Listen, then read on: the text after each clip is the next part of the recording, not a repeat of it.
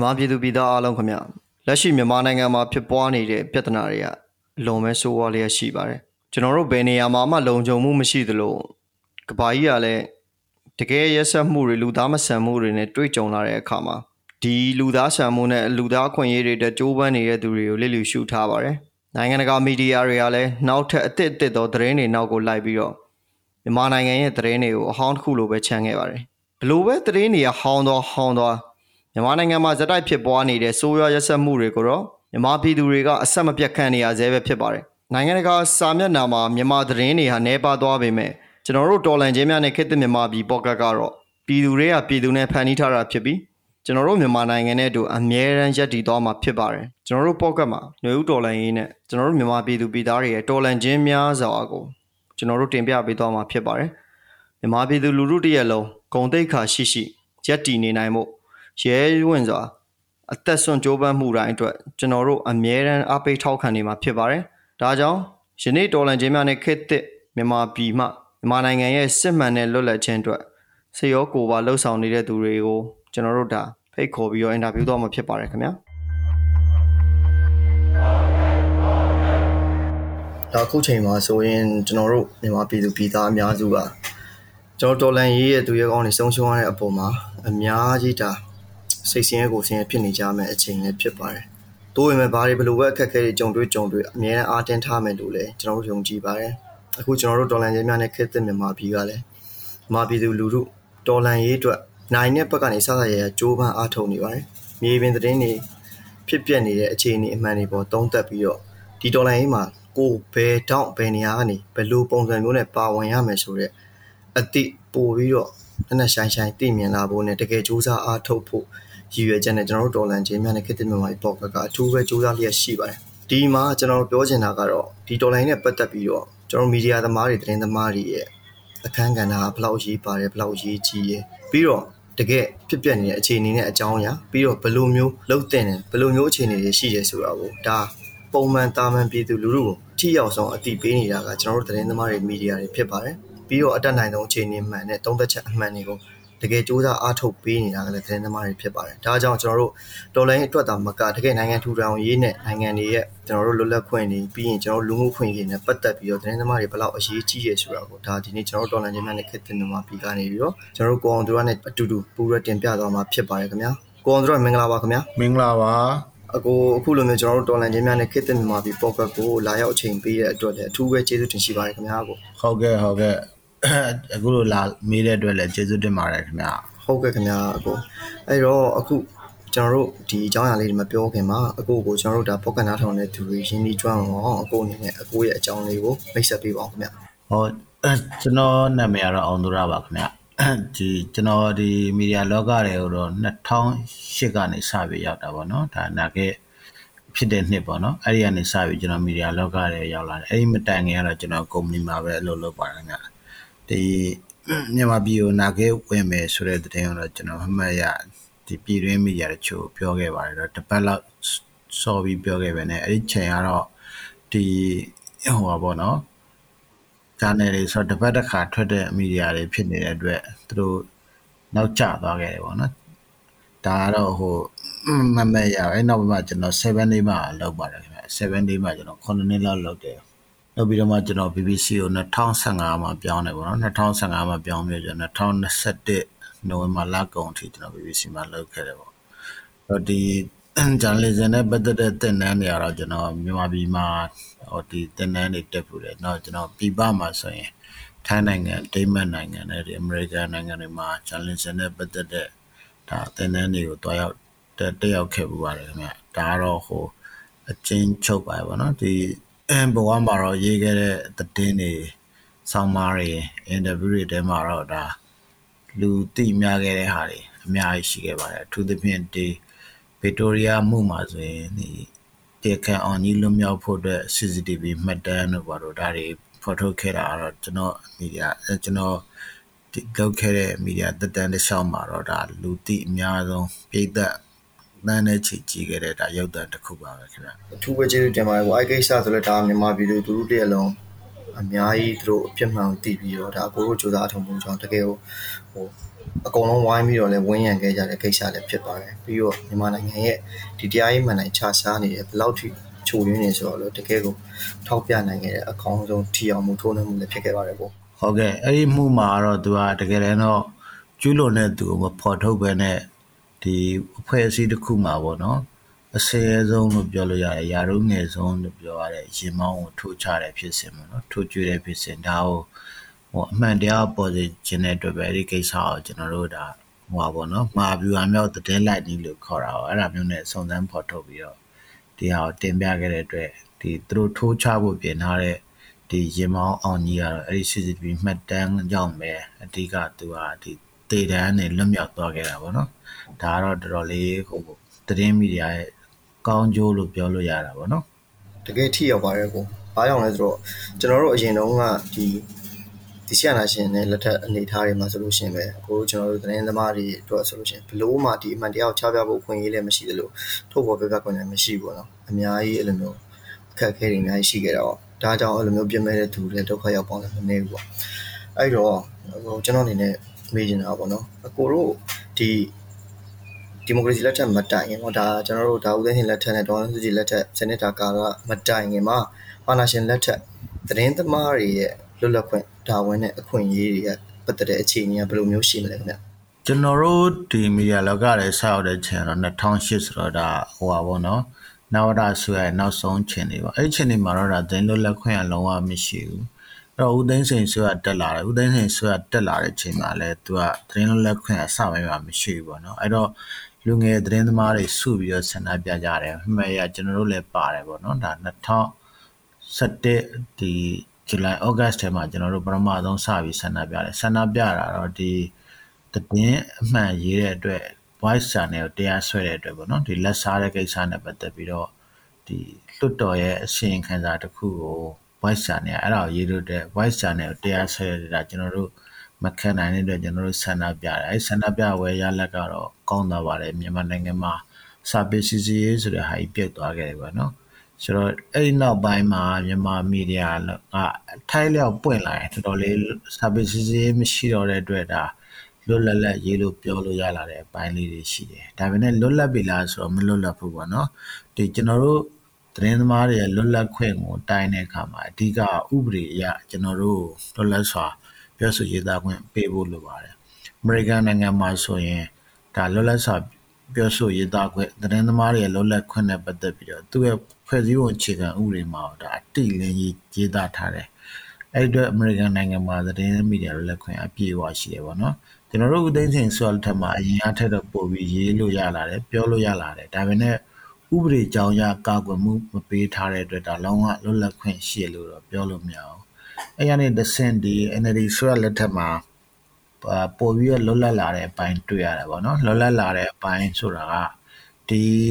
ရန်ကုန်တိုင်းဝန်ကြီးချုပ်ကနေ11 media ကို တရားစွဲတဲ့အခါမှာပေါ့နော် ဒီအဲ့လို တရားဆွဲတာနဲ့ ပတ်သက်ပြီးတော့မှ နိုင်ငံတော်သမ္မတကနေ စာထုတ်ပြီး ညွှန်ကြားပေးတာပေါ့ ဒါ သတင်းမီဒီယာတွေကို ဒီလို ရာဇဝတ်မှု ပုဒ်မတွေနဲ့ တရားမစွဲပါနဲ့။စာနယ်ဇင်းကောင်စီကနေတဆင့် မီဒီယာဥပဒေအတိုင်း ဖြေရှင်းပါလို့ ညွှန်ကြားလိုက်တဲ့ကိစ္စပေါ့နော်။အရမ်းကောင်းပါတယ်။ဒါဥပဒေအရ မီဒီယာလွတ်လပ်ခွင့်ကို ကာကွယ်ပေးတဲ့သဘောပါ။အဲဒီအတွက် အဲဒီနောက်ပိုင်းမှာ သတင်းသမားတွေက ဒါ ဒီဟိုဟာပေါ့နော်။မီဒီယာလွတ်လပ်ခွင့် ပိုပြီးရလာခဲ့တယ်။အဲဒီအကြောင်းလေးကို ပြောမယ်ဆိုရင်တော့ ကျနော် ပုံမှန်အားဖြင့် 11 မီဒီယာ ကျနော် မကြိုက်ပါဘူး။လုံးဝမကြိုက်ဘူး အဲဒီမီဒီယာကိုပေါ့နော်။သူက တကယ်တမ်းတော့ ဟို သူ့ရဲ့ media ရက်တည်မှုကဟို media သမားဆက်စစ်မဟုတ်ဘူးဒါပေမဲ့အဲ့ဒီမှာဖြုံမင်းတရားသူ့ကိုတရားဆွဲတယ်ပေါ့နော်သူတို့ရေးသားမှုနဲ့ပတ်သက်ပြီးတရားဆွဲတဲ့အခါမှာကျွန်တော်မန်လေးတိုင်းဝင်ချုပ်ကိုပြောပါတယ်တော့ဆိုမြင့်မောင်ဆိုတော့ဒီမိုကရေစီဆိုရဆိုတာတို့ဒီလိုမျိုးရေးသားသူလွတ်လပ်စွာပြောဆိုရေးသားခွင့်ဆိုတာဒီမိုကရေစီရဲ့တန်ဖိုးပဲเนาะအဲ့တော့သတင်းမီဒီယာတစ်ခုကသူ့အတူမှားရေးတယ်ဆိုရင်လည်းမှားရေးတဲ့အကြောင်းကိုဖြည့်ရှင်းလို့ရတယ်ဖြည့်ရှင်းခိုင်းပေါ့เนาะတောင်းပန်ခိုင်းပေါ့เนาะ အဲနောက်ကိုယ့်ဘက်ကအမှန်အမှန်သတင်းကိုပြန်ဖော်ပြပြီးတော့လဲသူ့အမှားကိုကာကွယ်လို့ရတယ်ပေါ့နော်အဲ့လိုမဟုတ်ပဲနဲ့ဒီမိုကရေစီဆွေးရဆိုပြီးတော့ဒီငါငါနဲ့သတင်းမီဒီယာဆွဆွဲတယ်ဆိုတာမဖြစ်သင့်ဘူးဆိုကျွန်တော်ပြောပြောပါတာဗျာအဲ့တော့မန်နေတိုင်းဝင်ညုတ်ပေါ့နော်မန်နေတိုင်းဝင်ညုတ်ကအဲ့ဒါကိုလက်ခံတဲ့အတွက်တော့တမရကိုပြောပြတဲ့အခါမှာတမရနေမှဒါမီဒီယာတွေကိုဒီလို နိုင်ငံရေးပုံမှန်တွေနဲ့တရားမဆွဲဘဲနဲ့စာနယ်ဇင်းကောင်စီကနေဒါဖြည့်ရှင်းဖို့ဆိုပြီးညွှန်ကြားချက်ထုတ်ပေးခဲ့တာပေါ့နော်ဒီဟာတော့ဒီ NLD ဆွဲလက်ထက်မှာမီဒီယာသမားတွေအတွက်ဒါတကယ်လို့မှ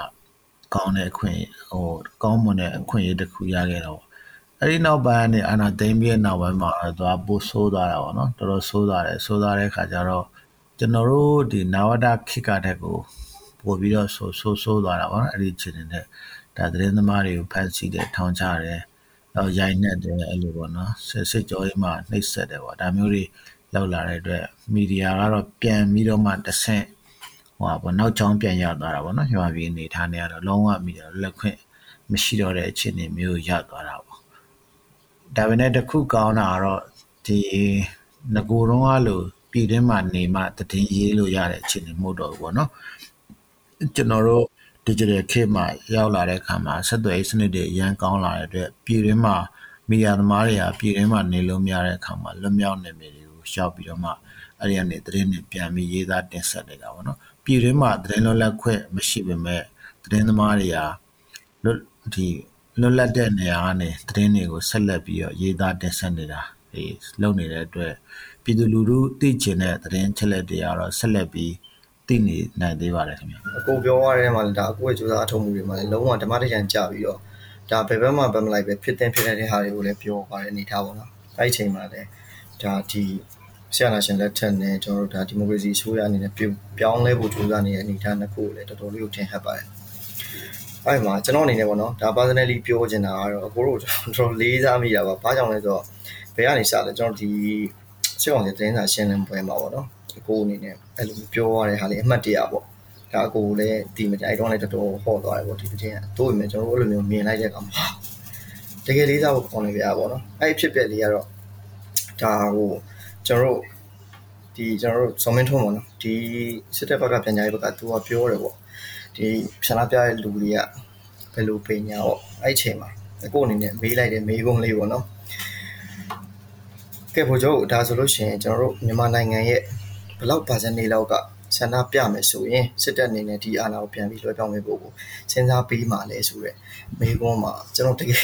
တကယ်လဲလေးစားပါဘလို့မှလည်းကျွန်တော်တို့ဒီလိုမျိုးစစ်ကောင်စီရှေ့မှာအဲ့လိုမျိုးတွားနေတဲ့သတင်းသမားတွေဆိုရင်တောင်းတောင်းကကျွန်တော်တို့အမြင်မကြည့်တော့ဘူးဗျာပြောမယ်ဆိုအာစစ်ကောင်စီကကျင်းပတဲ့သတင်းစာရှင်းလင်းပွဲတွားတယ်ဘာဖြစ်တယ်ညာဖြစ်တယ်ဆိုအနေထားမှာအကိုတို့ရှိအဲ့လိုမေကွန်းမျိုးမေကွန်းမျိုးထွက်လာတဲ့အခါမှာတကယ်လဲအံ့ဟောသူတော်တော်လဲလေးစားမိပါတယ်ဟာ တစ်ဘက်ကလည်းစိုးရင်တွေလည်းပါတော့ဗျာဟာဒီကိုတော့မလွယ်ဘူးဒါမျိုးပေါ့နော်အဲ့ဒီအချိန်မှာအဲအဲ့လိုအမှတ်တရလေးရှိတယ်ဗျအဲ့ဒါနဲ့ပတ်သက်ပြီးတော့ဟိုဟိုပါနားထောင်တဲ့သူတွေရောဗျာကျွန်တော်ပို့ပြီးတော့ပြပြစုံသိပါအောင်အဲ့ဒီဖြစ်ဖြစ်လေးနဲ့ပတ်သက်ပြီးနည်းနည်းပြောပြပေးပါလားပေါ့ကျွန်တော်တို့ဒီစစ်တပ်ကအနာသိမ်းပြီးတဲ့နောက်ပိုင်းမှာသတင်းစာရှင်းလင်းပွဲနှစ်ခုလုပ်တယ်ပေါ့နော်အဲသတင်းစာရှင်းလင်းပွဲနှစ်ခုကျွန်တော်တက်ခဲ့တယ်ပေါ့တက်ခဲ့တဲ့ခါကျတော့ဒီသတင်းစာရှင်းလင်းပွဲကိုတက်မယ်မတက်ဘူးဆိုပြီးတပိတ်မှောက်ကြတာပေါ့နော်တပိတ်မှောက်ကြတော့ ကျွန်တော်တို့ကလည်းဒီဟာကိုတက်ရမလားမတက်ရဘူးဆိုတာကိုကျွန်တော်တို့ဒီဌာနကိုကျွန်တော်တို့မေးရတာပေါ့နော်ကျွန်တော်တို့လူကြီးကိုကျွန်တော်တို့မေးတယ်မေးတဲ့အခါမှာလူကြီးကတော့ဒါကိုယ့်ရဲ့သတင်းသမားရဲ့အလုပ်ကတော့လူတွေသိကျင်တာသိတဲ့မိကုန်းတွေကိုမေးရမယ်ပေါ့နော်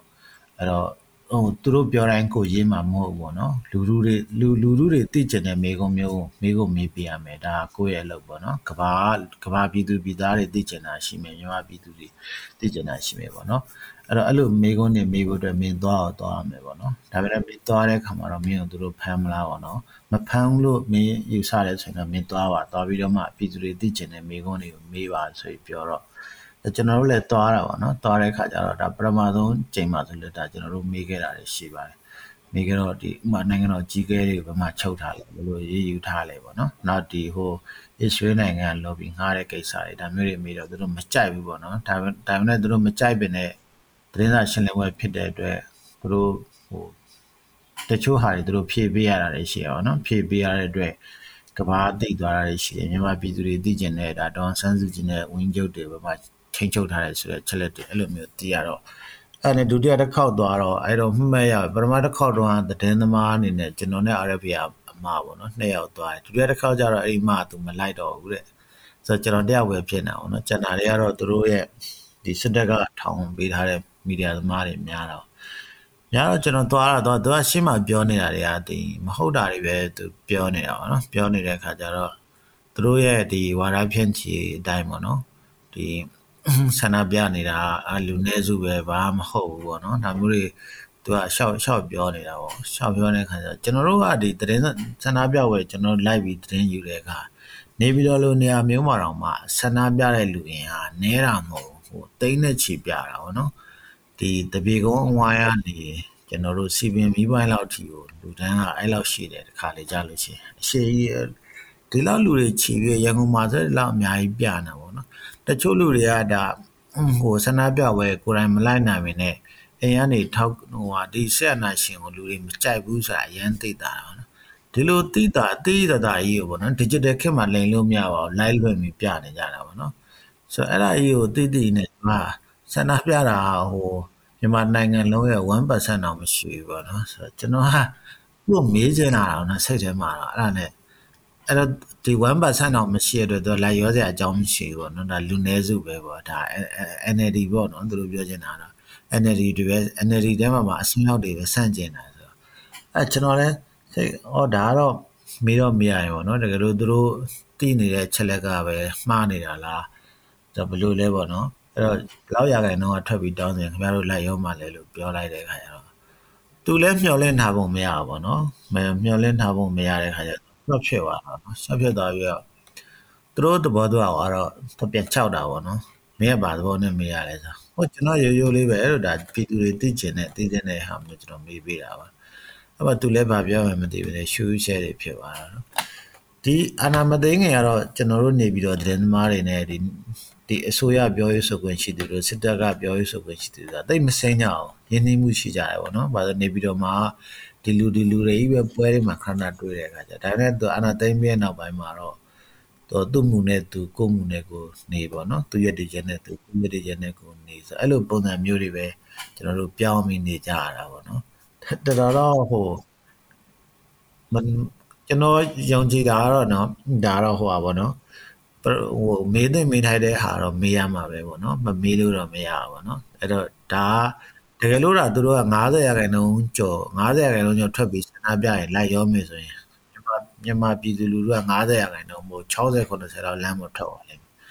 ဆိုတော့အဲ့လိုအဲ့လိုဆိုရင်ကျွန်တော်တို့ဒီတွေးထွက်တဲ့ယုံနဲ့ဖြစ်မဲ့ကိစ္စတွေပေါ့နော်မဖြစ်နိုင်တော့ဘူးပေါ့နော်အဲ့တော့သူတို့ရဲ့ဟိုအခြေအနေကိုကျွန်တော်တို့သိနေတာတကယ်လူထုကဆန့်ကျင်နေတယ်ဆိုတော့သူတို့ယုံကြည်သွားစေယုံကြည်သွားအောင်ပေါ့နော်အဲ့တော့ဘယ်လောက်ရခိုင်နှုန်းထွက်ပြီးပြရင်သူတို့ လက်ခံပါလဲပေါ့နော်လာရောမှလည်းလို့မေးချာသူကအဲ့ဒါမဖြေရဲဘူးပေါ့နော်သူလည်းဖြေဖြေဖို့ဟိုဟာမရှိဘူးသူမမရပဲတကယ်ပါကျွန်တော်ကြည့်တော့အခုထားတော့အပူရောတာမို့အခုအဲ့မိခွင်းကောက်မေးပြီးပလိန်ပြန်ဒါကိုယ့်ဘောကိုခံစားလို့ဖြစ်လာကျွန်တော်လက်ခုပ်တွေထားတည်တယ်တဲ့လက်ခုပ်တွေထားတည်ရအဲ့လိုမျိုးတီးမိတဲ့အထိရောက်တယ်ပေါ့နော်အဲ့လိုမျိုးဆိုတော့အဲ့လောက်ထိအဲ့လိုမျိုးအခုပြောလိုက်တဲ့ဟာပေါ်မှာအဲအခုတုံ့ပြန်လိုက်တဲ့အဲ့လိုမျိုးမေးလိုက်တဲ့မေးခွန်းပေါ်မှာအရန် တော့ချီရဖြစ်တာပေါ့ဒါမဲ့တစ်ဖက်မှာလည်းကျွန်တော်ပြောသလိုစိုးရင်စိတ်ကပေါ့နော်အကိုအဲ့လိုမျိုးအများပြည်သူသိဖို့အတွက်ဒါမြန်မာလူထုကမ္ဘာလူထုသိဖို့အဲ့လိုမျိုးမေးခွန်းနေမေးတယ်သတင်းသမားတယောက်တာဝန်ကြေပွန်ဖို့အတွက်တစ်ဖက်မှာအကိုဘာတွေပေးဆက်လိုက်ရတာမျိုးရှိတယ်ကိုဥပမာအကိုကယ်ရီယာနဲ့ပတ်သက်ပြီးအကိုမိသားစုအကိုရဲ့နေမှုထိုင်မှုနဲ့ပတ်သက်ပြီးတော့ထိခိုက်တာတွေပါတယ်ကိုဘာတွေရှိတယ်ကိုသူကတော့အဲ့ဒီဟာမေးပြီးတော့သူဟာပေါ့နော်၃ရက်ကြာတဲ့နေ့မှာ သူအဲ့မေးပြီးတော့မိတ်ဆွေတော်များပြောကြတယ်ဟာမင်းဟိုဟာရှောင်းတော့ရှောင်းတော့ပေါ့နော်ရှောင်းမို့ရှောင်းတော့ဆိုတော့သူတို့အရန်ဟိုဆုတ်စိတ်ပူကြတယ်ပေါ့နော်စိတ်ပူကြတယ်ကျွန်တော်တို့လည်းအဲ့ဒီကာလတွေကဟိုသိအပြင်းမထွက်ဘူးပေါ့နော်တခြားနေရာတော့ပြောင်းနေပြောင်းနေနေမှဒီတရားရုံးကိစ္စတခုသွားရနေမှကျွန်တော်တို့ဖန်ခံရတယ်ပေါ့နော်ဖန်ခံရတော့ဒါဆက်ဆက်မှုရှိတယ်လို့လည်းပြောကြတယ်မရှိဘူးလည်းပြောကြတယ်ပေါ့နော်ဒါပေမဲ့ဘာမှတော့ သိချတော့မသိဘူးပေါ့နော်ဒါအဲ့ဒါမေးပြီးတော့ဒီ၃ရက်မြောက်တဲ့နေ့မှာပဲဖန်ခံရတာပေါ့နော်ဖန်ခံရတဲ့ခါကျတော့စားတွေကတော့တချို့ဟာတွေကတော့ဟိုအနာသိန်းတွေကတော့ကြိုတွက်ထားတာရှိပါတယ်ဒီကျွန်တော်တို့ရှိရသတင်းစာဆရာကြီးတွေလည်းဒီလိုပဲသတင်းတောက်လုပ်ခြင်းဖန်ခံနိုင်တယ်ဆိုတဲ့ဟာရှိတော့အရန်ကြီးတော့မစိုးရင်တတိတော့ထားတာပေါ့နော်ထားတော့အဲ့တော့ဒီဖန်ခံဖန်ခံတော့စစ်ကြောရောက်တော့ဗျာစစ်ကြောရောက်တော့လဲသူတို့ရဲ့ထုံးစံတိုင်းစစ်တာပေါ့ စစ်တဲ့အခါတော့မမရတော့ဗျာဒီဒီဘာဖြစ်သွားဘာဖြစ်လဲဆိုတော့ဟိုဘယ်ပဲလက်တစ်ဖက်ကတော့သူကမကောင်းတော့ဘောနော်ပုံမှန်တိုင်းတော့ပြန်မဖြစ်တော့ဆိုတော့အဲ့ဒီဟာတခုတော့ဒါကြံကြံခဲ့တာပေါ့နော်ရုပ်ရုပ်ပိုင်းဆိုင်ရာစိတ်ပိုင်းဆိုင်ရာမှာတော့သူအာနာဒီစစ်ကြောရေးကနေပြန်လာပြီးတဲ့အခါမှာတော့ကိုကကြောက်တဲ့စိတ်တော့နည်းနည်းဝင်သွားတာပေါ့နော်ဒီဒီသူတို့ရဲ့ရက်ဆက်မှုတွေတော့ဒါပေမဲ့လည်း ကိုယ့်ရဲ့အုံနောက်နဲ့ပဲစဉ်းစားရတာပေါ့ဒီပွဲကကြောက်နေရမယ်ပွဲလားဟိုဟိုတတိရှိရမယ်ပွဲလားပေါ့နော်အဲ့တော့ဟိုဒေါန်ဆန်းစုကြည်ပြောသလိုပဲကြောက်ကြောက်နဲ့လှုပ်သိမ်းလှုပ်ထိုက်တာကိုလှုပ်တာမှဒါတကယ်တတိရှိရလို့ပြောတာပေါ့နော်ကျွန်တော်တို့နိုင်ငံကျွန်တော်တို့ရဲ့နောက်မျိုးဆက်မှာကျွန်တော်တို့ဒီလိုဆက်အာဏာရှင်စနစ်ကိုမြန်မာပြည်မှာမဖြစ်စေချင်မဖြစ်စေချင်တဲ့အတွက်ကျွန်တော်တို့လှုပ်သိမ်းလှုပ်ထိုက်တာလုပ်ရမယ်ဆိုပြီးတော့ကျွန်တော်တို့သတင်းပြန်ရေးတယ်ပေါ့နော်သတင်းပြန်ရေးတယ်သတင်းပြန်ရေးတော့လေ အဲ့ဒီဟိုဟာပေါ့ကိုဗစ်တက်ဝိတ်မှာလူတွေအများကြီးတည်တဲ့သတင်းကိုကျွန်တော်စရေးတာပေါ့နော်ရန်ကုန်မှာအဲ့ရေးပြီးနောက်ပိုင်းမှာလည်းကျွန်တော်လိုက်ရှာအပိုင်းနဲ့ကျွန်တော်ရဲ့အဲ့ဒီလွမြောက်နေပြီပဲကျွန်တော်ရှောင်းလာရှောင်းလာပြီးတော့မှကျွန်တော်အဲ့မှာ BBC မှာကျွန်တော်အလုပ်ထွက်လာတယ်ထွက်ပြီးတော့မှဒီ freelance ပေါ့နော် logic မှာတော့အဲ့လို freelance နေပဲကျွန်တော်ရက်ကြည့်တယ်ကျွန်တော်ရေးသိရေးထိုက်တာလေကျွန်တော်ဆက်ရေးနေဒီအနာဖြစ် ဒီသူတို့ရဲ့ဒီအကျိုးဆက်အနေနဲ့ပြောမှဆိုရင်တော့ဒါကိုယ့်ရဲ့ဒီခန္ဓာကိုယ်ပိုင်းဆိုင်ရာတော့ဗျာလက်တစ်ဖက်ကတော့သိမကောင်းတော့ဖြစ်သွားပြီ ਨੇ ကျွန်တော်တို့သတင်းသမားတွေရဲ့ယုံကြည်ချက်စိတ်ဓာတ်ကိုတော့သူတို့ဖြိုဖျက်လို့မရပါဘူးဆိုတော့ကျွန်တော်တို့မီဒီယာအားလုံးကဒီလွတ်မြောက်နေမျိုးရောက်လာကြပြီးတော့ဆက်ပြီးရေးနေတယ်ဆိုတော့ဟိုကဒါသူတို့အညံ့မခံမနဲ့ရောက်တဲ့နေရာကနေရတယ်လို့ဆက်ပြီးရေးနေဆိုတော့ မီဒီယာသမားတွေကိုသူတို့ဖိနှိပ်ပင်နေဖိနှိပ်လို့မရဘူးဆိုတာထင်ရှားတဲ့သက်တွေပါကျွန်တော်တို့တွေမဟုတ်ပါဘူးအများကြီးပါပဲဒီဘက်မှာရောက်လာပြီးတော့ဆက်ပြီးတော့မီဒီယာလုပ်ငန်းကိုမဆွန့်လွတ်ပင်နဲ့ဆက်ပြီးရေးနေကြတာပေါ့နော်ဒါမြန်မာလူငယ်သတင်းသမားတွေရဲ့ဒါသူတို့ရဲ့စိတ်ဓာတ်ကိုအရန်ပေါ်လင်စေတဲ့လုပ်ရက်ပါပဲအခုလိုပြေချားတကယ်လည်းကျေးဇူးတင်ပါတယ်။ဘာကြောင့်လဲဆိုတော့အကိုတို့ဒီပုံမှန်ဆိုတော့ကျွန်တော်အနေနဲ့လည်းအရင်တော့ဆိုတာမန်လူတယောက်လိုပဲဒီလိုပဲ နေစဉ်တွာလာလှုပ်ရှားနေတဲ့ဒီသတင်းသမားတွေရဲ့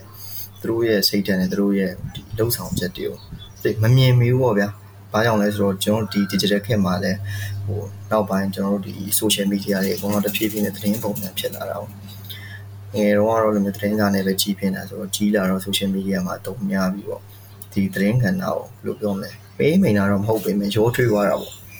အဲ့လိုမျိုးနေတာဖြစ်တာတကယ်တကယ်အခုလိုမျိုးရှာလာသိမှုနဲ့တကယ်ဂျုံတဲ့အခါမှာ တကယ်လဲသတင်းသမားတွေရဲ့စိတ်စေတနာနဲ့သူတို့ရဲ့တကယ်ကြိုးစားအားထုတ်မှုပုံမြင်လာတာပေါ့ကွယ်အဲ့အတွက်လည်းအကိုတို့လိုသတင်းသမားတွေတကယ်ကျေးဇူးတင်ပါတယ်လို့ကျွန်တော်တို့ဒီ88နဲ့နူဒေါ်လာရင်းနဲ့ကွာတဲ့ချက်ကအဓိကအဲ့ဒါပဲပေါ့နော်ဒါ88မှာဆိုရင်တော့2လ3လအတွင်းမှာဒေါ်လာရေးပြီးသွားတဲ့သဘောပေါ့နော်ခုနွေဒေါ်လာရေးမှာ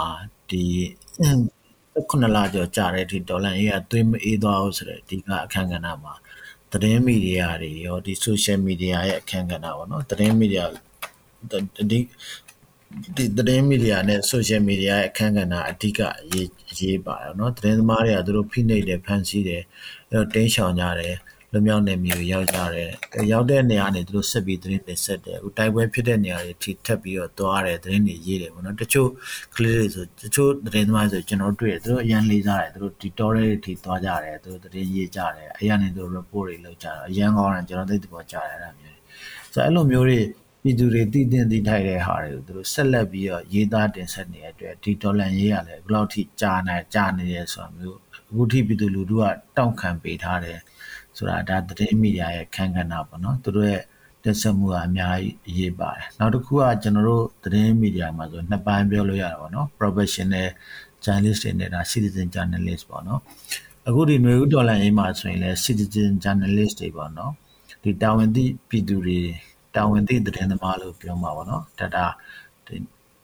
ဒီ CJ ပေါ့နော်အဲဒီသူတို့ရဲ့ခန်းကဏ္ဍတော်တော်လေးဒီပွဲမှာတွေ့ရပါတယ် ဒီ season journalist တွေရိုက်ပေးခဲ့တဲ့ဓာတ်ပုံဗီဒီယိုတွေကြောင့်မြန်မာပြည်မှာနွေဦးတော်လှန်ရေးမှာဖြစ်ခဲ့တဲ့အဖြစ်အပျက်တွေကိုတကဘာလုံးကနေသိရှိသွားတဲ့ဖြစ်ရပ်တွေအများကြီးရှိပါတယ်။ဆိုတော့ဒီသတင်းသမားလို့ပြောမယ်ဆိုရင်လည်းကျွန်တော်တို့ဒီ season journalist တွေရဲ့အခန်းကဏ္ဍကိုလည်းမေ့လို့မရပါဘူးခင်ဗျာ။သူတို့လည်းဒါကျွန်တော်တို့ကတကယ်တတ်မိုးထားပါတယ်။ကျေးဇူးလည်းတင်ပါတယ်။သူတို့ရဲ့ကုညီပံ့ပိုးမှုတွေကြောင့်လည်းကျွန်တော်တို့ဒီ professional journalist တွေကပို့ပြီးတော့အလုပ်လုပ်နိုင်တဲ့အပိုင်းတွေအများကြီးတွေ့လာပါတယ်။တကယ်လည်း တကယ်ထိရောက်ပါတယ်သူတို့မြေပြင်မှာမှန်တိုင်းပြောရင်ဗျာကျွန်တော်တို့တို့တစ်ခါတည်းတွေးမိရပါတော့သူတို့တကယ်အသက်လူပြီးပြေးနေရတဲ့အချိန်မှာဒီလိုမျိုးတွေကိုတည်င်းနေကြအောင်စူးစမ်းပေးနိုင်ခဲ့ကြတာတော့အခုဒါကိုယ်လည်းဒါမေးချင်တာပေါ့နော်လလက်ရှိမှာလည်းဒါတနိုင်ငံလုံးအနေနဲ့လည်းသူတို့ပူစည်းတော့ကရောက်နေရဒါအဓိကတော့ဒါနေ့စဉ်နဲ့မှတော့လူတွေတည်နေကြတယ်တည်ဆုံးနေကြတယ်ဒါပေမဲ့ကျွန်တော်ဒီဒေါ်လာရေးတက်ဦးမှာရွေးရွေးချွန်ချွန်ပါဝင်ပြီးရတာလူတွေပေါ့ဗျာ တူတရားတော့ဒါကျွန်တော်တို့တည်င်းရတော့16ရောက်လို့ပြောကြတယ်ဒါပေမဲ့လူတွေတည်ကြ4ရောက်ပေါ့ဒါကိုချင်းမျိုးကိုချင်းတို့အပအောင်ပေါ့အဲ့လိုမျိုးသူတို့ကိုဒီစစ်အာဏာရှင်ဒီကြိုးပိတ်တပ်ဖြတ်မှုအပေါ်မှာပေါ့တော့ကိုသတင်းသမားအနေနဲ့ရောကာမန်ပြည်သူတို့တယောက်အနေနဲ့ရောဒါဘာကြောင့်ဒီလိုမျိုးဒါခိဆက်ဆက်အာဏာရှင်တွေအောင်မလုပ်ခဲ့တဲ့ဟာမျိုးကိုကျွန်တော်ဒီမင်းအောင်ဥဆောင်တဲ့ဒီစစ်ဆိုရစစ်ကောင်စီက ဘာကြောင့်သူတို့လှုပ်ရဲတယ်လို့ထင်လဲပေါ့ဘာကြောင့်ဘယ်လိုကိုမြင်လဲအဓိကတော့ तू ကဒီမင်းအောင်ရဲ့ဆရာဒါဗိုလ်ချုပ်မူကြီးတန်းရွှေကိုယ်တိုင်တော့မှဒီနိုင်ငံရေးနိုင်ငံရေးကျင်းသားတွေပေါ့နော်တေတံချမှတ်ခံထားတဲ့နိုင်ငံရေးကျင်းသားတွေကိုကွန်မြတ်တာမလုပ်တဲ့အတွက်နောက်ပိုင်းမှာလူငင်းချမ်းသာတွေပေးတဲ့အခါမှာ ခွင့်ခါတဲ့လို့လူငင်းချမ်းသာပေးတဲ့အခါမှာတေတံကြခံတဲ့သူတွေကနှစ်20ပြောင်းသွားတာရှိတယ်15နှစ်ပြောင်းသွားတာရှိတယ်ပေါ့နော်အဓိကတော့သူကဒီတရားရုံးကတေတံချမှတ်ပင်နဲ့လက်တွေ့မှာမကွက်မြက်ဘူးပေါ့နော်အဲကျုံကျုံမပေးပေါ့နော်ကျုံမပေးတဲ့အတွက်သူတို့ဒီနဝရအစိုးရလက်ထက်မှာအခွင့်အခါသိမ်းနိုင်ပေးတဲ့လူငင်းချမ်းသာတွေမှာဒါ ပြစ်ဒဏ်တွေရှော့ပေါ်သွားပြီးတော့တေတန်းကနေနှစ်20ပြောင်းသွားတာရှိတယ်15နှစ်ပြောင်းသွားတာရှိတယ်အဲ့လိုနဲ့နောက်ဆုံးလွတ်မြောက်သွားတာရှိတယ်ပေါ့နော်ဥပမာကိုစောတက်ထွေးလို့ဆိုရင်ဒါတေတန်းကြခံခဲ့ရတာပေါ့နော်အဲ့တော့ဦးတန်းရွှေမလုပ်ခဲ့တဲ့အလုပ်ကိုမရောက်လိုက်ရဘာလို့လုပ်လဲဆိုတဲ့အခါကျတော့တော့မရောက်လိုက်ရငကိုတွေကသူကတော့ဟိုပါဘောနော်ဒီဘယ်လိုပြောလဲမူဝါဒမရှိတဲ့ကောင်းဆောင်တရားအမတန်လောဘကြီးတဲ့စစ်ကောင်းဆောင်တရားပေါ့နော်သူလူရန်ကားတယောက်လိုမျိုးပဲပေါ့သူသူပုံစံကတော့အဲ့တော့သူဒီမှာဘာကြောင့်ဒီ ဒီဒီထင်ရှားကြော်ကြတဲ့လူနှစ်ယောက်ကိုကြိုးပြီးတက်မြတ်လဲဆိုတော့သူတို့ဒီစစ်တပ်ကလှုပ်တတ်တာကတော့သွေးခွဲမယ်လူတွေကြောက်တရားဖြစ်အောင်ခြောက်မယ်ပေါ့နော်ဒီနှစ်ခုပဲသူတော့ဆက်လှုပ်တတ်တယ်အဲ့တော့သူတို့ဆက်နာသိမ့်ပြီးနောက်ပိုင်းမှာသူတို့ကြောက်မလားဆိုပြီးပြည်သူတွေတနက်နဲ့ပြစ်လိုက်တယ်ပြည်သူတွေကမကြောက်ဘူးဆက်တော်လန်တယ်အဲ့တော့ဖန်စီတဲ့ထောင်ချတယ်အဲ့တော့ထောင်ချတယ်ထောင်ကလွတ်လာလဲဆက်တော်လန်တယ်ဆိုတော့အဲ့လိုဟာမျိုးဖြစ်နေတယ်လူတွေကသူ့ကိုမကြောက်ဘူးပေါ့နော် ပြည်သူလူထုကကြောက်စိတ်မရှိတော့ဒီမိုကရေစီရတာကိုခံစားပြီးတဲ့အချိန်မှာသူသဖြင့်လူငယ်မျိုးဆက်တွေကသူ့ကိုလုံးဝမကြောက်တော့ကြောက်စိတ်ကတော်တော်နည်းသွားကြတာပေါ့နော်နည်းသွားပြီးဆက်လက်တွန်းလှန်တွန်းလှန်တဲ့ကဒီလူတွေကြောက်ဖို့အတွက်ဆိုပြီးတော့ဒီဟာကိုဒါကျုံးမိတ်ပေးလိုက်တဲ့သဘောပဲပေါ့ဒါတစ်ချက်ပေါ့နောက်တစ်ခုကကြတော့သူ့ကိုထောက်ခံတဲ့သူတွေရှိတယ်သူ့ကိုထောက်ခံတဲ့သူတွေကသူ့ကိုဒီ online မှာဝေဖန်နေတယ်အပြည့်ပြည့်သားမလုပ်ဘူးပေါ့နော်အာပြောစီပြောစီနေပါညာအဲ့လိုမျိုးဝေဖန်တာတွေရှိတယ်ပေါ့နော် ဝေဖန်တဲ့လူတွေဟိုသူ့ရဲ့ဘက်တော်သားတွေပေါ့နော်အာနာအာနာရှင်ကိုထောက်ခံတဲ့ဘက်တော်သားတွေဝမ်းသာဖို့အတွက်ပေါ့နော်သူတို့ရဲ့ထောက်ခံမှုမလျော့သွားအောင်အတွက်သူကရေးရဆက်ဆက်လုပ်ပြတယ်ဆိုတဲ့အပိုင်းလည်းရှိအဓိကတော့ဒီဒီမိုကရက်တစ်အင်အားစုတွေကြောက်သွားအောင်လုပ်လိုက်တာလည်းဖြစ်တယ်လို့တစ်ဖက်မှာလည်းဒီဆက်အနာရှင်ကိုထောက်ခံနေတဲ့မင်းအောင်လှိုင်ကိုထောက်ခံနေတဲ့သူ့ရဲ့အဝန်းဝိုင်းကလူတွေဝမ်းသာသွားအောင်လို့ဒါကိုလုပ်ပေးလိုက်တယ်လို့တော့ဒါကျွန်တော်တို့ ရရှိတဲ့အချက်လက်တွေကကျွန်တော်တို့အပြည့်အဝဒါယုံကြည်ပါတယ်အဲ့လိုပဲကျွန်တော်တို့သုံးသပ်ပါတယ်ခင်ဗျဟုတ်ကဲ့ခင်ဗျအခုလိုမျိုးပြည့်စုံရှင်းပြပေးသွားတဲ့တော်လည်းတူရကျေးဇူးတင်ရှိပါတယ်ပေါ့ဒါဘာမျိုးပေါ့ဗျာဒီနေ့ဒီချိန်ထိတော့လက်မခံနိုင်သေးရတာမှန်တယ်ပေါ့အဲအခုလိုမျိုးမြန်မာပြည်ပြည်သားတွေဗျာဒီလိုမျိုးအကုန်လုံးခံစားနေရတယ်ပေါ့နော်ဒါကတောက်လျှောက်ပါပဲဒီဆရာနာသိမှုစတင်ကြတဲ့ကဒါနေုံညာစိတ်ထောင်းကိုကြီးဖြစ်နေတာဒီလိုမျိုးတွေခံစားနေရတာပေါ့နော် တို့ပေမဲ့ဒီအခုဖြစ်သွားတဲ့ကိစ္စဒီကျွန်တော်တို့ဒီနိုင်ငံရေးနဲ့ပတ်သက်ပြီးလှုပ်ရှားတဲ့သူတွေတော်လိုင်းမှာပါဝင်တဲ့သူတွေကိုအပြင်းထန်ဆုံးဒါပြစ်မှုအပြင်းထန်ဆုံးဒါပြောမှဆိုကြိုးပေးတဲ့အမှုမှာပေါ့နော်အများရန်ဒီစစ်အာဏာသိမ်းမှုကိုကျွန်တော်တို့ဒါကြီးကမကောင်းပါဘူးဒါကြီးကဘလူကြီးပါဘာညာဆိုပြီးစာအမျိုးမျိုးထုတ်ပြီးတော့တုံ့ပြန်နေတဲ့ကမ္ဘာအတိုင်းဝိုင်းအောင်ဒီဖြစ်ရကြောင်းအခုဘာတွေပြောင်းလဲမယ်သူတို့အနေနဲ့ဒီစစ်ဆိုရပေါ့ ဘယ်လိုတုံ့ပြန်မယ်လို့ထင်တယ်ကိုပြီးတော့ဒါအာဆီယံဖွဲ့စည်းလဲပါမှာမဟုတ်ဒီမြန်မာပြည်အရေးခင်းနဲ့ပတ်သက်လို့ရှိရင်တရုတ်တရုတ်နိုင်ငံသဘောထားတစ်မျိုးအမေရိကန်နိုင်ငံသဘောထားတစ်မျိုးဒီလိုပဲတောက်လျှောက်ဖြစ်ခဲ့ကြတယ်ပေါ့နော်ဖြစ်ခဲ့ကြတဲ့အတွက်ဒီ UN တို့ဘာလို့မှဆွေးနွေးဆုံးဖြတ်မယ်ဆိုရင်အမေရိကန်နောက်နိုင်ငံတွေကသဘောတူနေဒီတရုတ်နိုင်ငံကန့်ကွက်လို့ဆိုပြီးတော့မအောင်မြင်ခဲ့တဲ့ဖြစ်စဉ်တွေရှေ့မှာအများကြီးဖြစ်ဖြစ်ခဲ့တယ်ပေါ့ဒါပေမဲ့ခုနွေဦးဒေါ်လာရေးမှာနဲ့ နျူဒေါ်လာဖြစ်ပြီးတဲ့နောက်ပိုင်းမှာအနောက်နိုင်ငံတွေနဲ့တရုတ်နိုင်ငံဒါဒီဒီနိုင်ငံကြီးနှစ်ခုသဘောတူတဲ့အချက်ကတော့ဒီမြန်မာပြည်ရေးကိုအာဆီယံကနေတဆင့်ချင်းကပ်ပြီးဖြည့်ရှင်းမယ်ဆိုပြီးအမေရိကန်ကလည်းသဘောတူတယ်တရုတ်ကလည်းသဘောတူတယ်ပေါ့နော်အဲ့တော့အာဆီယံထူးကိုယ်စားလှယ်ကိုယ်တိုင်မှဒီဒီထင်ရှားဒီဟိုပါဘောနော်တေတံပေးတေတံကြမှတ်ခံထားတဲ့လူတွေမကွန်မြတ်ဖို့ဆိုပြီးမေတ္တာရက်ခံထားတယ်မေတ္တာရက်ခံဂျာမေတ္တာရက်ခံထားတဲ့ဂျာကဒါသူတို့လုပ်တယ်ဆိုရင်တော့ ကျွန်တော်တို့အခုဒီစစ်ကောင်စီကိုပြောလို့ဆိုလို့ရမှာပဲညှိနှိုင်းလို့ရမှာပဲလို့အမြင်ရှိနေတဲ့ဒီကျွန်တော်တို့အိန္ဒိချင်းနိုင်ငံတွေနောက်တခြားကမ္ဘာအဖွဲ့အစည်းတချို့တွေအစမဲအွန်လိုင်းကိုတော့သူတို့ဒီကောင်နဲ့တော့စကားပြောလို့မရဘူးညှိနှိုင်းလို့ရမယ်လို့မဟုတ်ဘူးဆိုတာမျိုးသူတို့ရဲ့အတွေးခေါ်ပြောင်းသွားနိုင်တယ်ပေါ့နော်ပြောင်းသွားနိုင်တယ်အဲ့ဒီကနေမှတဆင့်ဒီမြန်မာနိုင်ငံနဲ့ပတ်သက်ပြီးတော့သူတို့ရဲ့ချင်းကတ်တဲ့ policy ကိုပြောင်းသွားနိုင်တယ်ပေါ့ အထူးသဖြင့်ဒီအာဆီယံကနေချင်းကတ်တဲ့အလုပ်ကအလုံးမဖြစ်ဘူးဆိုတာမျိုးတွေးသွားပြီးတော့မှနောက်ထပ်နီလန်သစ်တစ်ခုထပ်ရှာတာမျိုးဖြစ်ကောင်းဖြစ်လာနိုင်တယ်ပေါ့နော်။နောက်ဒီ UN မှာမြန်မာပြည်ရေးကိုဆက်ပြီးဆွေးနွေးကြပြောဆိုကြတဲ့အခါမှာဆိုရင်လည်းဒါပုံစံတစ်မျိုးပြောင်းသွားနိုင်တယ်ပေါ့နော်။ကျွန်တော်တို့တော့ဒီအနောက်နိုင်ငံကနေပို့ပြီးတော့မှစစ်ကောင်စီကိုဖိအားပေးတာတွေရှိလာနိုင်တယ်လို့ဒီတော်လိုင်းအင်အားစုတွေကိုပုံမထောက်ပံ့တာဝန်းရံတာတွေ ဖြစ်လာလိမ့်မယ်လို့တော့ဒါအကျိုးဆက်အနေနဲ့အဲ့လိုမျှော်လင့်လို့ရပါတယ်။ဒါကမ္ဘာနိုင်ငံအနေနဲ့သူတို့နဲ့ပတ်သက်ပြီးတော့ဒါကိုထင်မြင်စတာပေါ့နော်။အဲ့တော့အခုဒီရှေ့မှာကျွန်တော်တို့ဒါလူတော်နိုင်ဒီရေကောင်းနေဆိုလဲဘာသာနေဆိုလဲမနေတော့ဘူးပေါ့နော်ပေါ့။ဒါကျွန်တော်တကယ်ချင်းမိတ်ဆွေတွေတော့အပါဝင်ပဲကျွန်တော်ဒီမိတ်ဆွေတွေတော့အများကြီးပေါ့ဗျာ။သူရှေ့မှာဒါအသက်ပေးရလူနဲ့ကိုလည်းငါဆုံးရှုံးတယ်လူတွေ။အဲ့တော့ ကျွန်တော်တို့သူတို့ရှေ့မှာဒီຫນွေဥတော်လိုင်းအတွက်မြန်မာနိုင်ငံလုံးဒီမိုကရေစီရရှိနေဒီဆီယနာရှင်လက်ကနေလွတ်မြောက်ရေးအတွက်အသက်ပါပေးပြီးတော့သူဆုံးရှုံးခံလိုက်ရတဲ့ဒီအားစားမိရဲ့အတွက်ပေါ့နောက်မှာအသက်ရှင်ကြံရစ်နေတဲ့ပြည်သူတွေမှာဘယ်လိုတာဝန်မျိုးတွေပို့ပြီးတော့ဖြစ်တည်လာတယ်လဲပေါ့ပေါ့သူတို့အတွက်ဘယ်လိုဝတ္တရားတွေပို့ပြီးတော့ရှိလာမယ်လို့ပုံမြင်နေလို့ ဒီຫນွေဦးတော်လှန်ရေးမှာတော့လူရန်သားပေါင်းစုံပါဝင်ပြီးတော့အာဏာရှင်စနစ်ကိုတော်လှန်ကြတယ်ပေါ့နော်ဒီမြန်မာနိုင်ငံမှာအာဏာရှင်စနစ်နဲ့ကိုမျိုးဆက်ကိုဘယ်လိုမှမထားခဲ့ကြကြဘူးပေါ့နော်အဲ့အတွက်တော်လှန်ခဲ့ကြတယ်တော်လှန်တဲ့အခါမှာတော့ဒီထိခိုက်မှုတွေအများကြီးရှိပါတယ်တချို့တွေထောင်ကျသွားတာတွေရှိတယ်တချို့တွေဒီအဲတနက်ကင်ပြီးပြန်လဲတွန်းလှန်ရတဲ့ဒီခန္ဓာကိုယ်ဆွန့်လွတ်သွားပျက်စီးသွားတဲ့လူတွေရှိတယ်ပေါ့နော် ဆိုဒီလိုဟာတွေကတော့ဒေါ်လာရေးတွေမှာဖြစ်တတ်တဲ့သဘာဝပဲပေါ့ဆိုတော့ဒီလိုပေးဆက်တဲ့သူတွေနဲ့ပတ်သက်ပြီးတော့ကျွန်တော်ထင်ပါတယ်ဒီဒေါ်လာရေးပြီးသွားလို့ရှိရင်ဒီတက်တက်လာတဲ့အစိုးရကလည်းသူတို့ထထိုက်တဲ့နဲ့ပြန်ပြီးတော့မှဟိုဆောင်းရှောက်မယ်လို့ကျွန်တော်တို့ယုံကြည်ပါတယ်အခုဆိုရင်လည်းသူတို့ဒီတိုက်ပွဲမှာတန်ရတဲ့လူတွေဆိုရင်သူတို့ဟိုစိတ်ကူးပေးတာတော့နောက်ဒီသုံးဖို့ပေါ့နော် ဘတ်3000လောက်မျိုးသူတို့ပေးတာတွေရှိပါတယ်ခင်ဗျထောက်ပံ့တဲ့ program တွေတော့သူတို့မှရှိတယ်ဒီငွေကြေးရထောက်ပံ့တာရှိတယ်เนาะစိတ်ပိုင်းဆိုင်ရာရုပ်ပိုင်းဆိုင်ရာအဲ့လိုမျိုးကူညီတဲ့အပိုင်းတွေတော့ရှိပါတယ်ဒါပေမဲ့တော်လိုင်းဆိုရဖြစ်တဲ့အတွက်တော့အပြည့်အဝတော့လက်ရှိမှာတော့မလုပ်ပေးနိုင်ပါဘူးမလုပ်ပေးနိုင်ပေမဲ့သူတို့ရဲ့စိတ်စေတနာမှာတော့တော်လန်ရေးပြီးသွားခဲ့ရင်ပေါ့နော်ဒီတော်လန်ရေးကြောင့်ထိခိုက်တဲ့သူတွေအားလုံးကိုသူတို့ ဒီချီးမြှောက်ဖို့အတိမတ်ပြုဖို့ပေါ့နော်ဂုံပြုဖို့အစီအစဉ်ကတော့သူတို့မှစိတ်စေချင်တာအပြည့်ရှိတယ်ဆိုတော့ကျွန်တော်တို့ဒါသိထားရတာပေါ့နော်အဲ့ဒါလောလောဆယ်မှာတော့ဒီနိုင်ငံလွတ်မြောက်ဖို့အတွက်ပေါ့နော်တချို့လူတွေအသက်ပေးပြီးတိုက်နေတဲ့အချိန်မှာတော့အသက်နဲ့ရင်းပြီးတိုက်နေတဲ့အချိန်မှာတော့ကျန်တဲ့လူတွေကလည်းဒီကိုယ်နိုင်ငံလွတ်မြောက်ဖို့အတွက်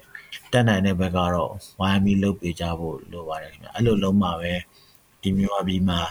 အာဏာရှင်စနစ်ဆိုတာပြုတ်သွားမှာပေါ့နော် မြန်မာပြည်ဟာ အာဏာရှင်စနစ်နဲ့ အုပ်ချုပ်နေသရွေ့ ဘယ်တော့မှ ဖွံ့ဖြိုးတိုးတက်တဲ့နိုင်ငံ၊နေ့ချင်းစားပွဲနိုင်ငံလည်း ဖြစ်လာမှာ မဟုတ်ဘူးပေါ့နော်။ဒါ ကျနော်တို့ အာဏာရှင်စနစ်နဲ့ နှစ်ပေါင်း ၅၀ အုပ်ချုပ်ခဲ့တာနဲ့ ဒီစပ်ကြား ဒီမိုကရေစီပေါ့နော်၊မပြည့်မဝ ဒီမိုကရေစီနဲ့ အုပ်ချုပ်တဲ့ စနစ်ကို နှိုင်းယှဉ်ကြည့်ရင် ပြည်သူလူထုအနေနဲ့ ဒါ သိသာပါတယ်။အဲတော့ အာဏာရှင်စနစ် ပြုတ်အောင်တော့ ကျနော်တို့ အားလုံးဝိုင်းပြီး လုပ်ကြဖို့တော့ ဒါ နိုင်ငံသားတိုင်းမှာ တာဝန်ရှိတယ်လို့ ထင်ပါတယ် အဲ့တော့အကိုအနေနဲ့ပေါ့နော်ဒါဘာပဲပြောဒီပြည်သူအတွက်အကောင်းဆုံးစူးစမ်းပေးခဲ့တဲ့သတင်းသမားတယောက်အနေနဲ့အခုလက်ရှိမှာပြည်သူတွေမှာပေါ့နော်ဟိုစိတ်ပင်ပန်းရတဲ့ကြားထဲမှာသူတို့ရဲ့အခါကျရင်ဥတီချက်တွေကပျောက်ဆုံးနေတာမျိုးရှိတယ်ပြီးွားရင်ဒီတစ်ဖက်ကစစ်တပ်ဘာသာဖြန့်ဒီသတင်းသမားတွေရဲ့စနစ်တွေအဲ့လိုမျိုးအဓိကတော့သူတို့ကြောင့်ပေါ့နော်အဲ့ပုံစံမှာတကယ်ပြည်သူတွေကတချို့အနေထားတွေမှာသတင်းမှန်နေ တကယ်ဖြစ်ပျက်နေတဲ့အကြောင်းအရာတွေနဲ့ဝေးကွာသွားတာမျိုးရှိတယ်ပေါ့နော်အဲတော့ပုံမှန်ပြည်သူတွေဒီသတင်းတွေနဲ့ထိတွေ့အောင်သတင်းမှန်နေနဲ့လိစားအောင်ပြီးတော့သူတို့ရဲ့တာဝန်သူတို့ပို့ပြီးနားလဲလာအောင်ပေါ့နော်ဘလို့အရာမျိုးတွေအတင်တော်ဆုံးဖြစ်မယ်လို့အခုအနေနဲ့ထင်မြင်ပါတယ်ဒီ digital media ခေတ်မှာပေါ့နော်သတင်းတူသတင်းမှားတွေကတော့အရန်ပေါ်ပါတယ်အထူးသဖြင့်ဒီစစ်တပ်စစ်တပ်ကလည်းဒီလိုမျိုးသတင်းတူသတင်းမှားသတင်းရောင်တွေဒီလိုထုတ်လွှင့်ပြီးတော့ပဲ လူထုကိုဝေဝါးတော့အောင်လူထုကိုကျင်းထဲတာပေါ့နော်ဒါမျိုးတွေလှုပ်လှုပ်တာကတော့ဒါတောက်လျှောက်လှုပ်လာခဲ့တာပေါ့အဲ့တော့ပြည်သူလူထုအနေနဲ့ကတော့နံပါတ်1ကတော့ဒီတရားဝင်မီဒီယာတွေမှာရေးသားဖော်ပြတဲ့သတင်းတွေကိုပဲယုံကြည်ဖို့ပေါ့နော်သတင်းတစ်ခုကိုဖတ်လိုက်ပြီဆိုတာနဲ့ဒီသတင်းကခိုင်လုံမှုရှိမရှိဆိုတာအရင်ဆုံးသုံးသပ်ပြီးလို့ရှိရင်ဘယ်မီဒီယာမှာဖော်ပြတာလဲသူကတရားဝင်မီဒီယာလားဘယ်လိုမီဒီယာမျိုးစားလဲဆိုတာနည်းနည်းလေ့လာပြီးတော့မှ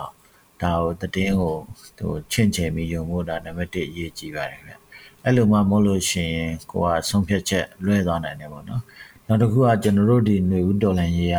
ဟိုအောင်မြင်မှုတော်တော်လေးချိန်နေကောင်းနေတဲ့အနေအထားမျိုးပေါ့နော်ဟိုဘယ်ချိန်အောင်မြင်မလဲဆိုတာမပြောနိုင်ပါနဲ့အခုချိန်နေຫນွေဦးတော်လန်ရေးရမကြရှုံးသေးပါဘူးဒီအင်အားကြီးစစ်တပ်တစ်ခုကိုပြည်သူလူထုက18လလောက်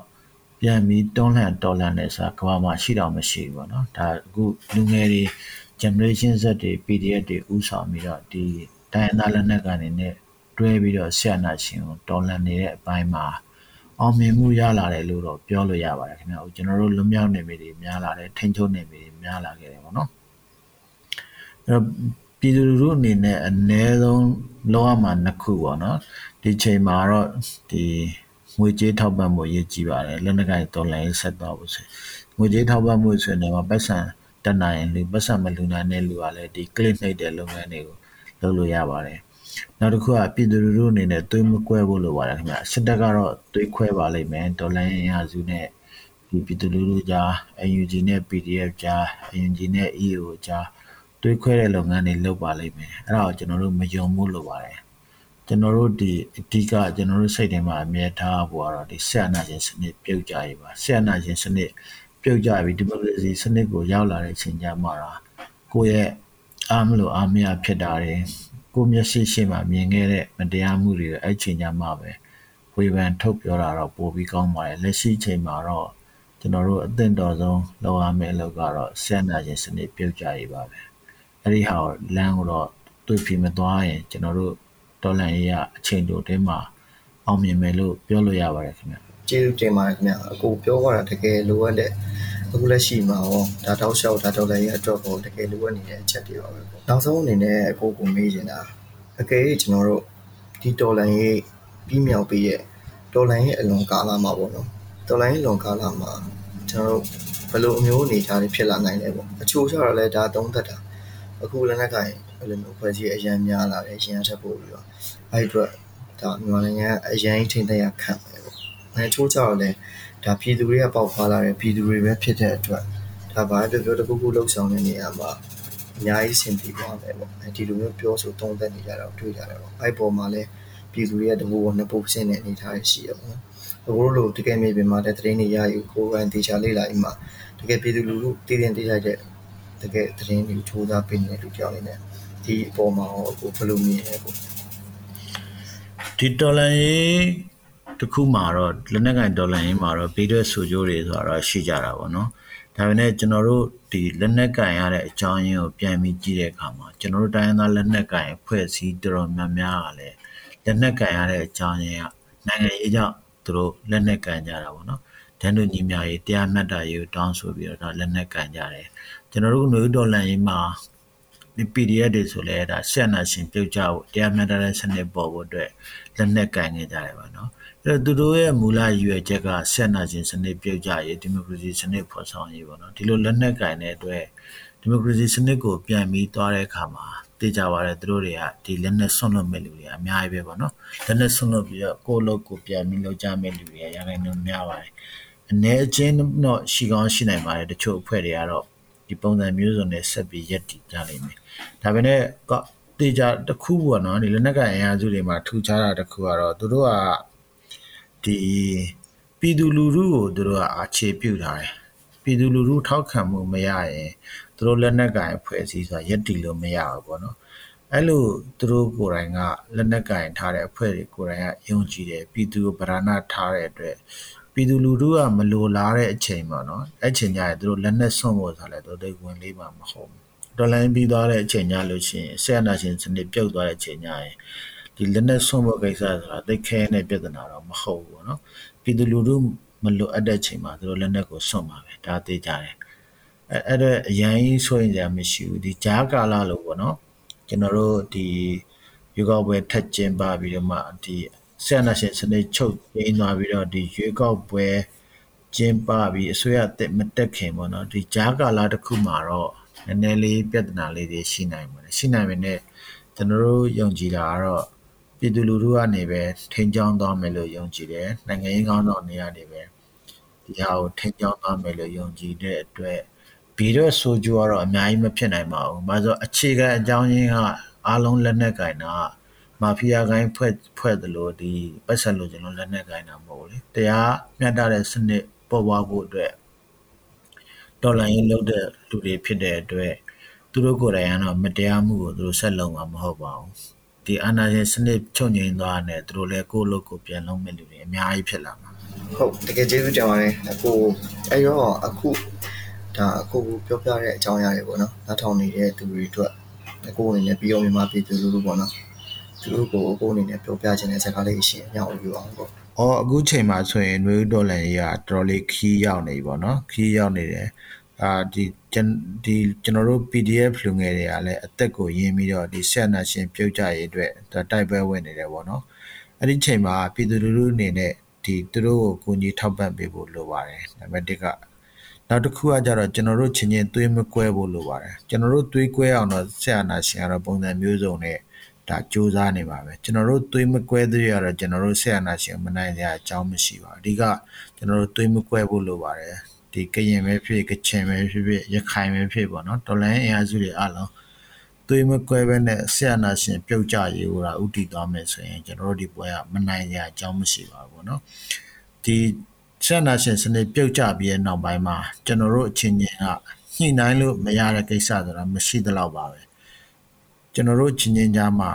ဆိုရင်ဆွေးနွေးညှိနှိုင်းလို့ပြည်လည်သွားမဲ့ကိစ္စတွေအများကြီးရှိပါတယ်အဲ့တော့လောလောဆယ်မှာကျွန်တော်တို့သွေးမကွဲဖို့ကအရေးကြီးဆုံးပါပဲခင်ဗျာဟုတ်ကဲ့ခင်ဗျာပေါ့ဒါအကိုရဲ့ဘဝတောက်လျှောက်ပေါ့နော်အကိုရဲ့ကိုယ်စွမ်းဉာဏ်စွမ်းရှိတဲ့များအားထုတ်ပြီးတော့ဒါစူးစမ်းပြီးရလာတဲ့အတွေ့အကြုံတွေအသိပညာတွေပြီးရင်ဒါအကိုအများကြီးအခက်အခဲမျိုးစုံကိုဖြတ်ကျော်ပြီးမှရလာတဲ့အတွေ့အကြုံတွေကိုမျှဝေပြီးရတဲ့အတွက်ကြောင့်တော့ပြီးတော့ဒီမြန်မာနိုင်ငံရဲ့နေဒေါ်လာရေးပေါ်မှာအကိုရဲ့စိတ်စေတနာနဲ့ ပြောပြပေးတဲ့ဒီနီလန်နေပြီးတော့အကိုရဲ့ထိရောက်တဲ့သုံးသက်ချက်တွေအကြောင်းလည်းကျွန်တော်တို့ဒေါ်လာညများနဲ့ခေတ်သစ်မြန်မာပြည်ရောဒီကျွန်တော်တို့အကိုရဲ့ပြောဆိုချက်တွေနားထောင်နေတဲ့ဒီပောက်ကနာထောင်တဲ့သူတွေရောအထူးပဲကျေးဇူးတင်ရှိနေပါခင်ဗျာဒီနေ့ဒီချိန်မှာလည်းကျွန်တော်တို့အချိန်ပေးရတဲ့အတွက်လည်းကျွန်တော်တို့ဘက်ကအထူးပဲကျေးဇူးတင်ရှိပါတယ်ခင်ဗျာပေါ့ကျေးဇူးတင်ပါတယ်ခင်ဗျာ ကျွန်တော်တို့ရဲ့တော်လန်ချင်းများနဲ့ခစ်တစ်မြန်မာပြည်ပေါ့ကတ်ကိုအဆုံးထိတေချာနားထောင်ပေးရတဲ့အရန်မဲ့ဝမ်းသာရပါတယ်ခင်ဗျာဒီချိန်ဒီကာလကကျွန်တော်တို့မြန်မာနိုင်ငံကိုချစ်မြတ်နိုးတဲ့သူတိုင်းအတွက်အရန်ခက်ခဲစိတ်ပင်ပန်းနေရတဲ့ကာလလည်းဖြစ်ပါတယ်ကျွန်တော်ကိုယ်တိုင်လည်းအရန်စိတ်ပင်ပန်းရပါတယ်တခါတလေလုံးဝစိတ်ပြက်လက်ပြက်ဖြစ်သွားတဲ့အချိန်တွေလည်းရှိပါတယ်ဘလို့ပဲဖြစ်ဖြစ်ပေါ့ဗျာဒီခစ်ဆိုးစနစ်ဆိုအဆုံးသတ်ဖို့အတွက်ကျွန်တော်တို့မှာလည်းတာဝန်ရှိသလိုနိုင်ငံသူနိုင်ငံသားတိုင်းမှာတာဝန်ရှိပါတယ်ခင်ဗျာ ဒါကြောင့်ဘာတွေဘလို့ပဲကြုံရကြုံရအားတင်းပြီးတော့ဒီစစ်အာဏာရှင်အမြင့်ပြည့်ရေးမြန်မာနိုင်ငံအမြန်ဆုံးအေဂျင့်ရေးနဲ့တိုးတက်ရေးကိုကျွန်တော်တို့ရှေ့ရှုပြီးရှေ့ဆက်နေရမှာဖြစ်ပါတယ်သတင်းချက်လက်ရယူခြင်းရဲ့အဓိကအကျိုးသက်ရောက်မှုကကျွန်တော်တို့ဒါ